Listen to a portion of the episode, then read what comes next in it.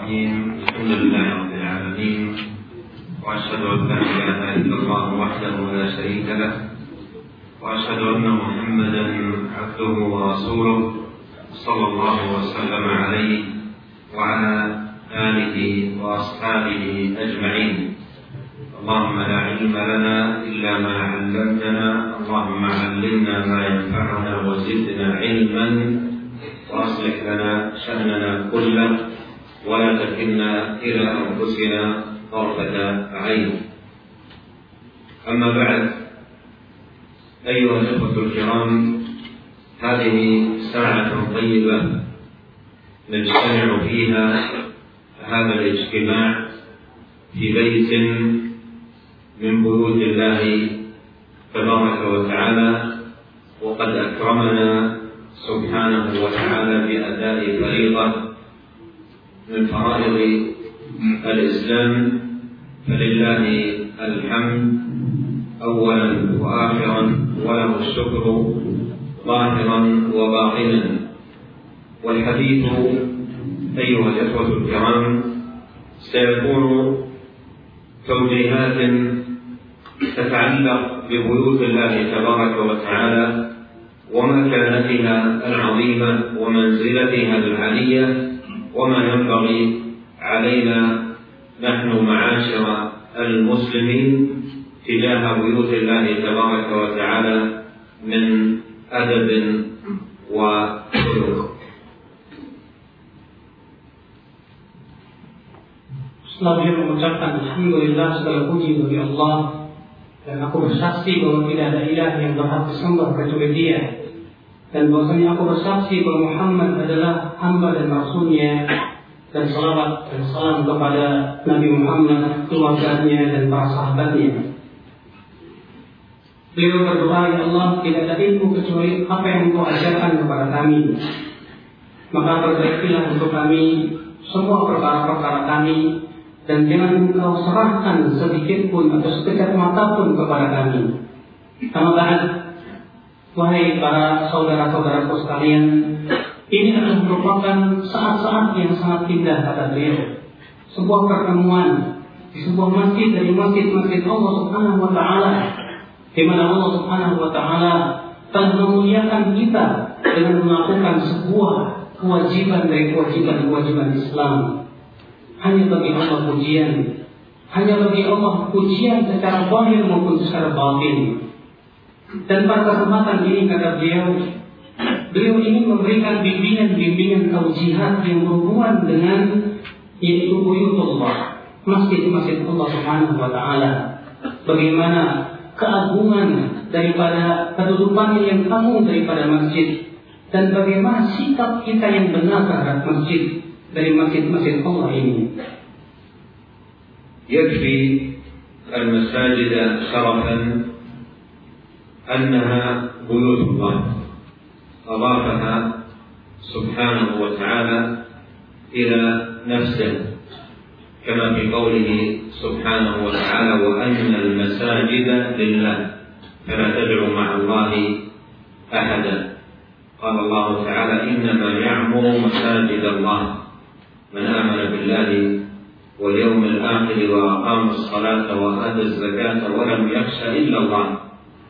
فأضافها سبحانه وتعالى إلى نفسه. وهذه الإضافة تقتضي التشريف فالمساجد بيوت شريفة فاضلة مكرمة معظمة لها مكانتها العلية ومنزلتها الرفيعة التي ينبغي أن يدركها كل مسلم. Dan cukuplah sebagai sebuah kemuliaan bahwa ia adalah rumah Allah, di mana Allah mengidafahkan menyandarkan rumah tersebut kepada dirinya. Allah berfirman, "Wa annal masajid lillah, fala tad'u ma'allahi ahada." Dan bahwasanya masjid-masjid itu milik Allah, maka janganlah kalian berdoa kepada selain Allah kepada siapa pun juga. Allah juga berfirman, Innama ya'muru masajid Allah. Sesungguhnya yang memakmurkan masjid-masjid Allah. Lihat kata beliau, Di sini Allah Subhanahu wa taala menyandarkan masjid-masjid tersebut kepada dirinya. Dan itu merupakan idhofah tasyrif, yaitu penyandaran yang yang menunjukkan akan kemuliaan tempat ini. Maka masjid adalah rumah-rumah Allah yang mulia, yang mempunyai keutamaan, yang mempunyai kedudukan yang tinggi dan agung, dan hendaknya setiap kita mengetahui tentang keutamaan dan keagungannya. ويكفيها شرفا أنها أحب بقاع الأرض إلى الله سبحانه وتعالى فقد جاء في صحيح مسلم عن نبينا صلى الله عليه وسلم أنه قال أحب البلاد إلى الله مساجدها وأبغض البلاد إلى الله أسواقها وإنما كانت المساجد أحب وإنما كانت المساجد أحب البقاع إلى الله سبحانه وتعالى لأنها الموطن الذي يعتنى فيه بذكر الله سبحانه وتعالى بالكثرة ففيها تقام الصلاة ويقرأ القرآن ويذكر الله وينشر العلم ويتفقه في الدين ويسأل عن أحكام الشريعة. إلى غير ذلك من المصالح الكبار والمنافع العظيمة والخيرات المباركة التي تكون في المساجد. أما الأسواق ففيها اللغط وفيها الصخر وفيها الغش وفيها الكذب وفيها الاحتيال وفيها وفيها أمور كثيرة جدا. فأحب البقاع إلى الله سبحانه وتعالى هي المساجد Dan cukuplah kemuliaannya juga kata beliau bahwa ia adalah tempat yang paling dicintai oleh Allah. Bagian bumi yang paling dicintai oleh Allah adalah masjid. Sebagaimana disebutkan oleh Sahih Muslim bahwa Rasulullah SAW bersabda, "Ahabbul biladi ila Allah masajiduha." Negeri ataupun tempat yang paling dicintai oleh Allah adalah masjidnya dan bagian bumi yang paling tidak disukai oleh Allah adalah pasarnya. Kenapa masjid itu sesuatu yang paling dicintai oleh Allah Subhanahu wa taala? Karena ia adalah tempat yang di sana Allah Subhanahu wa taala disebut tempat yang ditegakkan padanya salat, tempat yang dibacakan padanya Al-Qur'an, disebarkan ilmu, kemudian ditafakuhi ilmu Allah Subhanahu wa taala dan dipelajari hukum-hukum syariat. Banyak sekali masalah-masalah yang besar kata beliau kebaikan-kebaikan yang banyak dan manfaat-manfaat yang agung yang bisa kita dapatkan di dalam masjid. Adapun pasar, maka di sana tempatnya dusta, tempatnya kecurangan, tempatnya berbagai macam keburukan kata beliau. Oleh karena itulah tempat yang paling dicintai oleh Allah dalam masjidnya. ويكفي المساجد شرفا وفضلا أنها قرة عيون المؤمنين وراحة نفوسهم وبهجة قلوبهم وموطن سعادتهم. وقد كان نبينا صلى الله عليه وسلم يقول أرحنا بالصلاة يا بلال. ويقول جعلت قرة عيني في الصلاة. فأكرم بالمساجد وبمكانتها ومنزلتها العلية وما يجده فيها أهلها من راحة لا يجدها أي إنسان في أي موضع من الدنيا خاصة إذا أعطى المسجد حقه. مبكرا مطمئنا خاشعا مقبلا. على الله سبحانه وتعالى كم يجد من لذة وراحة وسعادة لا يجدها الناس في أي مكان من الدنيا. لا يجدها الناس في أي مكان من الدنيا. ولهذا تجد بعض الناس يعبر عن ذلك. يقول عندي من الهموم والآلام وإذا دخلت المسجد انزاح عني ذلك كله. وشعرت براحة وشعرت بطمأنينة وشعرت بسعادة وما ذلك إلا بما جعل الله سبحانه وتعالى في هذه البيوت المباركة من خير وفضيلة وبركة Kata beliau, cukuplah kemuliaan daripada masjid dan keutamaannya bahwa ia adalah penyejuk, penyejuk pandangan kaum mukminin. Ia adalah tempat kebahagiaannya. Ia adalah memberikan kebahagiaan dalam hati mereka. Adalah Nabi Sallallahu Alaihi Wasallam dahulu bersabda kepada Bilal, Ayat Nabi Sallallahu Alaihi Bilal, jadikan hati kami beristirahat dengan sholat wahai Bilal. Disebutkan pada dalam hadis bahwa Nabi Shallallahu Alaihi Wasallam bersabda, "Ju'ilat qurratu aini fi shalah." Dijadikan kesejukan pandanganku, ketentraman hatiku di dalam sholat. Sungguh sangat mulia masjid-masjid itu. Sungguh sangat tinggi kedudukannya. Sungguh sangat agung kedudukannya. Ia adalah merupakan tempat ketenangan. Kita tidak akan merasakan ketenangan di mana saja kecuali di tempat yang disebut dengan masjid tidak ada ketenangan yang bisa kita rasakan. Di mana ketenangan yang kita rasakan di masjid melebihi daripada ketenangan yang ada di tempat-tempat yang lainnya. Terlebih kata beliau, apabila kita memberikan hak masjidnya, di mana kita datang dengan penuh tenang ketenangan, kita bersegera, kita pun kemudian datang dengan perasaan khusyuk, mengharapkan ridwan Allah Subhanahu wa taala, maka yang seperti ini kata beliau tentunya akan memberikan kebahagiaan dalam hati, melebihi kebahagiaan kita yang kita rasakan di tempat mana pun juga dari tempat-tempat dunia itu.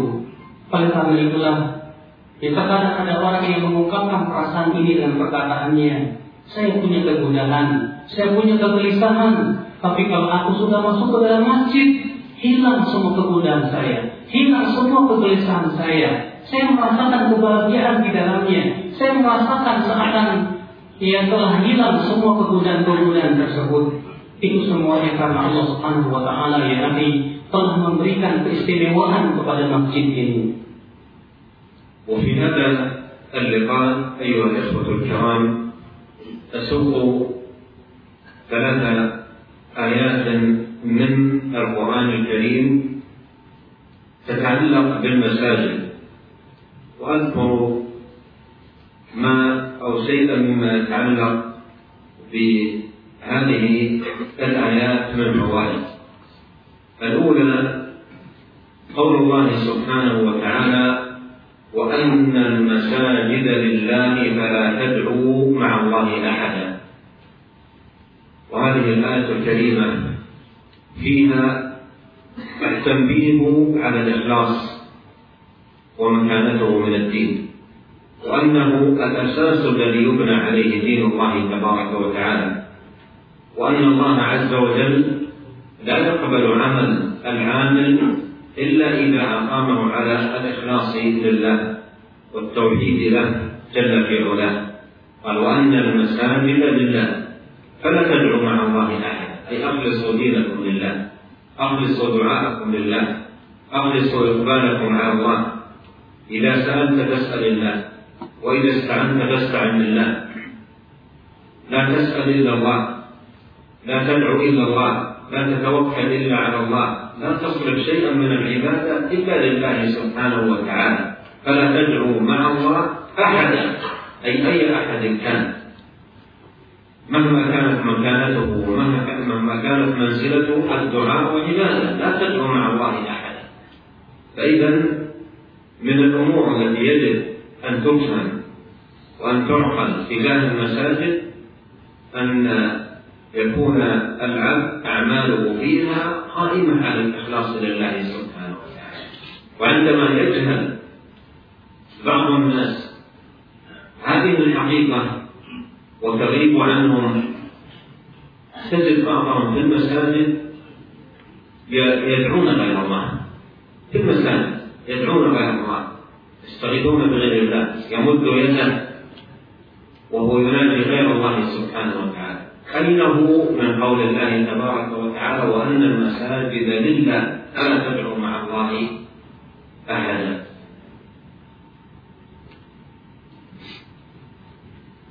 Kemudian dia berkata, di dalam pertemuan kali ini saya akan membawakan tiga ayat yang berhubungan dengan masjid dan saya akan sebutkan juga beberapa faidah yang berhubungan dengannya. Adapun ayat yang pertama itu firman Allah Subhanahu wa taala, "Wa anna al-masajida lillahi fala tad'u ma'allahi ahada." Dan bahwasanya masjid-masjid itu hanyalah milik Allah, maka janganlah kalian berdoa kepada selain Allah siapa pun juga. Ayat ini kata beliau di dalamnya terdapat faidah yaitu pentingnya kita mengikhlaskan niat kita, mengikhlaskan ibadah itu kepada Allah Subhanahu wa taala. Dan bahwasanya keikhlasan itu mempunyai kedudukan yang agung. Ia merupakan asas agama Allah Subhanahu wa taala yang dibangun di atas agama ini. Dan bahwasanya Allah Subhanahu wa taala kata beliau tidak akan menerima amal kecuali apabila ia mengikhlaskan ibadahnya kepada Allah. Maka dari itu ikhlas Islam azam yang Allah Allah Taala berfirman, "Wa anna al-masajida lillahi fala tad'u ma'allahi ahada." Artinya, ikhlaskan doa kalian hanya kepada Allah. Ikhlaskan ketaatan kalian di mana kalian tidak meminta kecuali hanya kepada Allah. Kalian tidak beristighfar kecuali hanya kepada Allah Subhanahu wa taala. Kalian tidak bertawakal kecuali hanya kepada Allah Subhanahu wa taala dan jangan kalian memalingkan ibadah kepada selain Allah Subhanahu wa taala. Maka Allah berfirman pada tad'u ma'allahi ahada. Jangan kamu seru bersama Allah siapa pun juga, setinggi apa pun derajatnya. Oleh karena itu kata beliau, perkara yang harus diketahui oleh seorang hamba dan harus dilakukan oleh seorang hamba itu hendaknya dia mengikhlaskan ya ibadah itu hanya kepada Allah.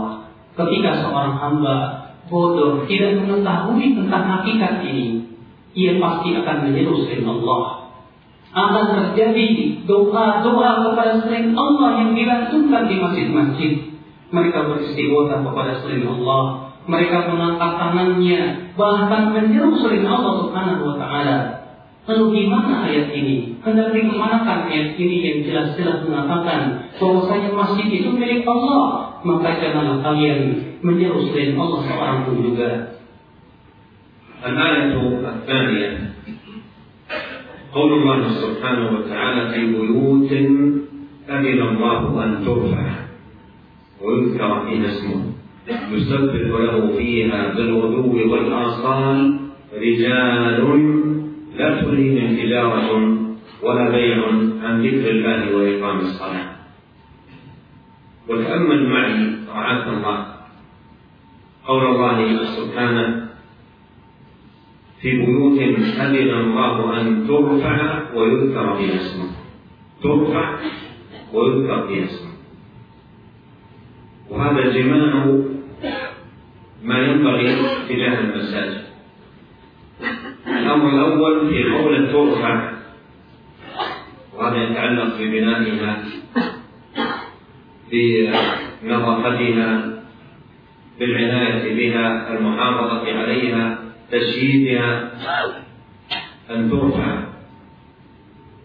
وقد جاء في السنة ثواب عظيم وأجر جزيل لهذا الصنيع. حتى قال النبي صلى الله عليه وسلم من بنى لله مسجدا بنى الله له بيتا في الجنة. والأمر الثاني يذكر فيها اسمه. المساجد بنيت من أجل أن يذكر فيها اسم الله. في الصلاة قراءة القرآن الذكر الدعاء تعلم العلم التفقه في الدين.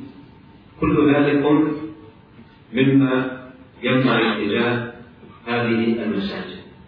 وتأمل أيضا قول الله سبحانه وتعالى رجال في بيوت أذن الله أن ترفع ويذكر فيها اسمه يسبح له فيها بالغدو والآصال رجالا. لتعرف الرجولة بأنهى صورها وأجمل حللها الرجل هو الذي إذا أذن للصلاة جاء إلى المساجد. بشهادة رب العالمين.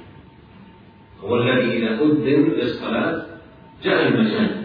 أما الذي يؤذن للصلاة ويسمع حي على الصلاة حي على الفلاح ويبقى في المسجد ويبقى في السوق أو في عمله أو في متجره أو في صناعته أو في حرفته أو غير ذلك أين هم من هؤلاء الرجال الذين أثنى الله على رجولتهم في هذه الآية الكريمة.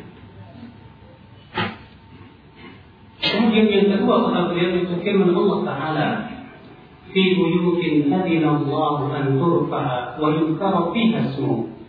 يسبح له فيها بالغدو والآصال. رجال لا تلهيهم تجارة ولا بيع عن ذكر الله. di masjid di rumah-rumah Allah yang Allah izinkan untuk diangkat dan disebut namanya. Ia bertasbih kepadanya di waktu pagi dan petang. Mereka adalah laki-laki, rijal, yang tidak disibuk, yang tidak disibukkan atau tidak dilalaikan dengan perdagangan dan perniagaan dan berpikir kepada Allah Subhanahu wa taala. Beliau, coba perhatikan bersama saya. Firman Allah Ta'ala di sini. Allah berfirman, "Fi buyutin adina an turfa'a wa yudhkar."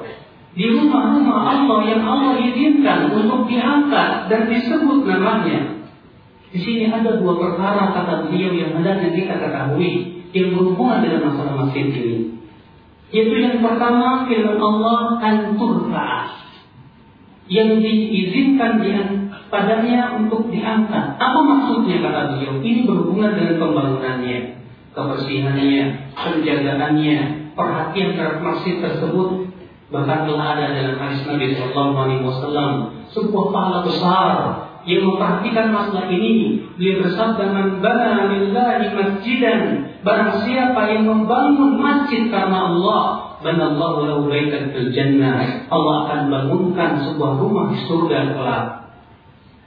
Kemudian yang kedua, itu firman Allah, wa yuzkaru fiha Yang disebutkan padanya nama Allah Subhanahu. Ini semuanya apa Islam, semuanya itu masuk dalam rangka apa? Yaitu untuk berzikir kepada Allah Subhanahu wa taala berupa salat, berupa doa, berupa baca Al-Qur'an, berupa mempelajari ilmu dan bertafakur padanya. Dan perhatikan firman Allah dalam ayat dalam ayat tersebut rijalun la tulhihim tijarah. Ketika Allah mengatakan fi buyutin adinallah di dalam rumah-rumah yang Allah izinkan untuk diangkat dan disebut namanya dan mereka bertasbih kepadanya di waktu pagi dan petang lalu Allah menyebutkan kata-kata rijal para laki-laki agar kamu tahu bahwa yang namanya laki-laki adalah orang yang sholat di masjid kata beliau.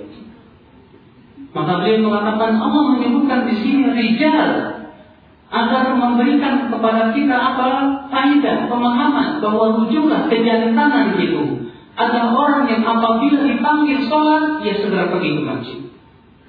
Adapun orang yang sholat di pasarnya, di rumahnya atau di tempat pekerjaannya, ia tidak pergi ke masjid.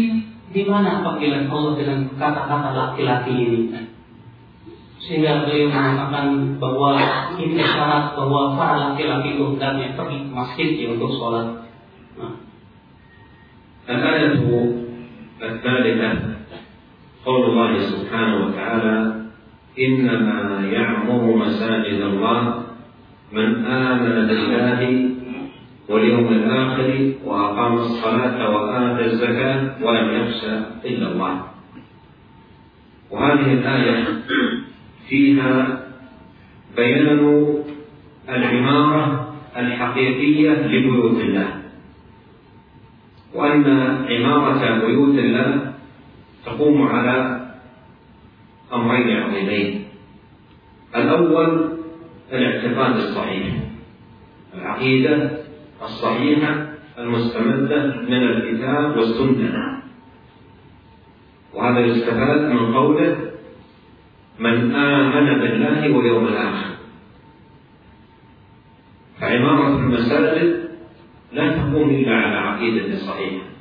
لأن العقيدة إذا فسدت لم يكن الإنسان من عمار المساجد حتى وإن قام فيها قيام السارية إذ لا يكون من عمار المساجد إلا إذا صلحت عقيدته بالإيمان بالله والإيمان باليوم الآخر وبما أمر سبحانه وتعالى عباده بالإيمان به. والأمر الثاني بالعمل والطاعة؟ ودل على ذلك قوله وأقام الصلاة وآتى الزكاة ولم يخشى إلا الله. وهذا يتناول عمل الجوارح وعمل القلب. عمل القلب خشية لله وعمل الجوارح قياما بالعبادة لله سبحانه وتعالى وأعظم العبادات وأجلها شأنا هي الصلاة. ولا سيما الصلاة المكتوبة التي افترضها الله سبحانه وتعالى على عباده Kemudian firman Allah yang ketiga yaitu innama ya'muru masajid Allah. Sesungguhnya yang memakmurkan masjid-masjid Allah siapa? Man amana billahi wal yawmil akhir. Yaitu orang-orang yang beriman kepada Allah dan hari akhirat. Wa aqama shalat wa ata zakat. Ia mendirikan salat dan membayar zakat. Wa lam yakhsha Allah dan ia tidak takut kecuali hanya kepada Allah saja.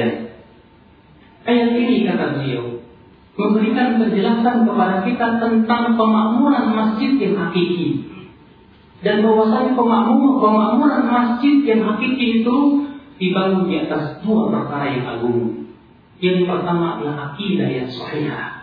Akidah yang benar, yang berasal yang sesuai dengan Al-Quran dan Sunnah Nabi Shallallahu Alaihi Wasallam. Dan ini diambil dari firman Allah yaitu innama ya'muru masajid Allah man amana billahi wal yawmil akhir. Sesungguhnya yang memakmurkan masjid Allah siapa? Orang yang beriman kepada Allah dan hari akhirat. Maka kata beliau, memakmurkan masjid tidak akan tegak kecuali di atas akidah yang sahih. Adapun ketika akidah itu telah rusak, akidah itu telah menyimpang, maka tentunya pasti akan dimakmurkan dengan sesuatu yang tidak sesuai dengan Al-Quran dan Hadis atau bahkan tidak dimakmurkan sama sekali. Maka apabila akidah itu telah kuat, telah baik, telah bagus, tentu akan terrealisasi pemakmuran yang hakiki kata beliau. Kemudian yang kedua, yaitu ketaatan. Diambil dari firman Allah Subhanahu wa taala wa aqama shalah wa ata zakat. Ia mendirikan sholat dan membayar zakat. Ia berupa amalan hati dan amalan anggota badan. Amalan hati itu berupa rasa takut kepada Allah Subhanahu wa taala. Amalan anggota badan itu berupa apa? Melaksanakan ibadah kepada Allah Subhanahu wa taala. Yang paling agung adalah sholat yang Allah Subhanahu wa taala wajibkan kepada kita. أسأل الله الكريم رب العرش العظيم بأسمائه الحسنى وصفاته العليا أن يوفقنا أجمعين لما يحبه ويرضاه من سبيل الأقوال وصالح الأعمال وأن يصلح لنا شأننا كله وأن لا يكلنا إلى أنفسنا طرفة عين. اللهم أصلح لنا ديننا الذي هو عصمة أمرنا وأصلح لنا دنيانا التي فيها معاشنا وأصلح لنا آخرتنا التي فيها معادنا واجعل الحياة زيادة لنا في كل خير والموت راحة لنا من كل شر. اللهم اغفر لنا ولوالدينا وللمسلمين والمسلمات والمؤمنين والمؤمنات الأحياء منهم والأموات. اللهم اقسم لنا من خشيتك ما يحول بيننا وبين معاصيك ومن طاعتك ما تبلغنا به جنتك ومن اليقين ما تهون به علينا مصائب الدنيا. اللهم متعنا بأسماعنا وأبصارنا وقوتنا ما أحييتنا واجعله الوارث منا واجعل ثأرنا على من ظلمنا وانصرنا على من آذانا ولا تجعل مصيبتنا في ديننا ولا تجعل الدنيا أكبر همنا ولا مبلغ علمنا. ولا تسلط علينا من لا يرحمنا. سبحانك اللهم وبحمدك أشهد أن لا إله إلا أنت أستغفرك وأتوب إليك. اللهم صل وسلم على عبدك ورسولك نبينا محمد وآله وصحبه أجمعين.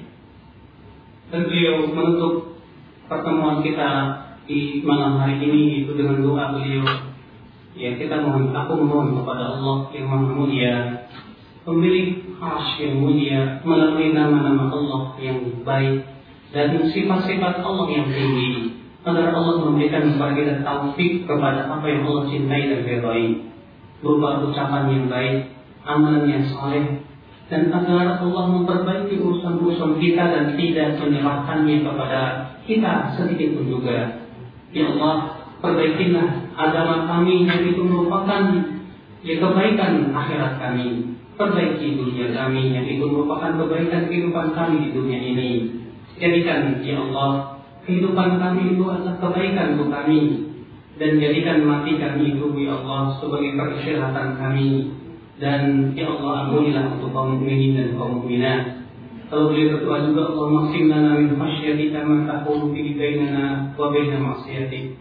Ya Allah, berikanlah kepada kami rasa rasa takut kepada Engkau yang bisa mencegah kami untuk berbuat maksiat kepada Engkau dan daripada keyakinan yang memberikan keringanan untuk menerima musibah-musibah yang Kau berikan kepada kami. Dan berikan kepada kami ya Allah kesenangan dengan pendengaran kami dan penglihatan kami. Dan jadikan itu sebagai warisan untuk kami. Dan jangan kau jadikan dunia ini dunia ini sebagai tujuan kami yang paling agung dan jangan engkau jadikan musibah kami dalam agama kami. Dan jangan engkau kuasakan kepada kami orang-orang yang tidak menyayangi kami. Ini saja ya kemudian beliau menutup dengan doa kafaratul majlis subhanallah wa bihamdika asyhadu an la ilaha illa anta astaghfiruka wa atubu ilaik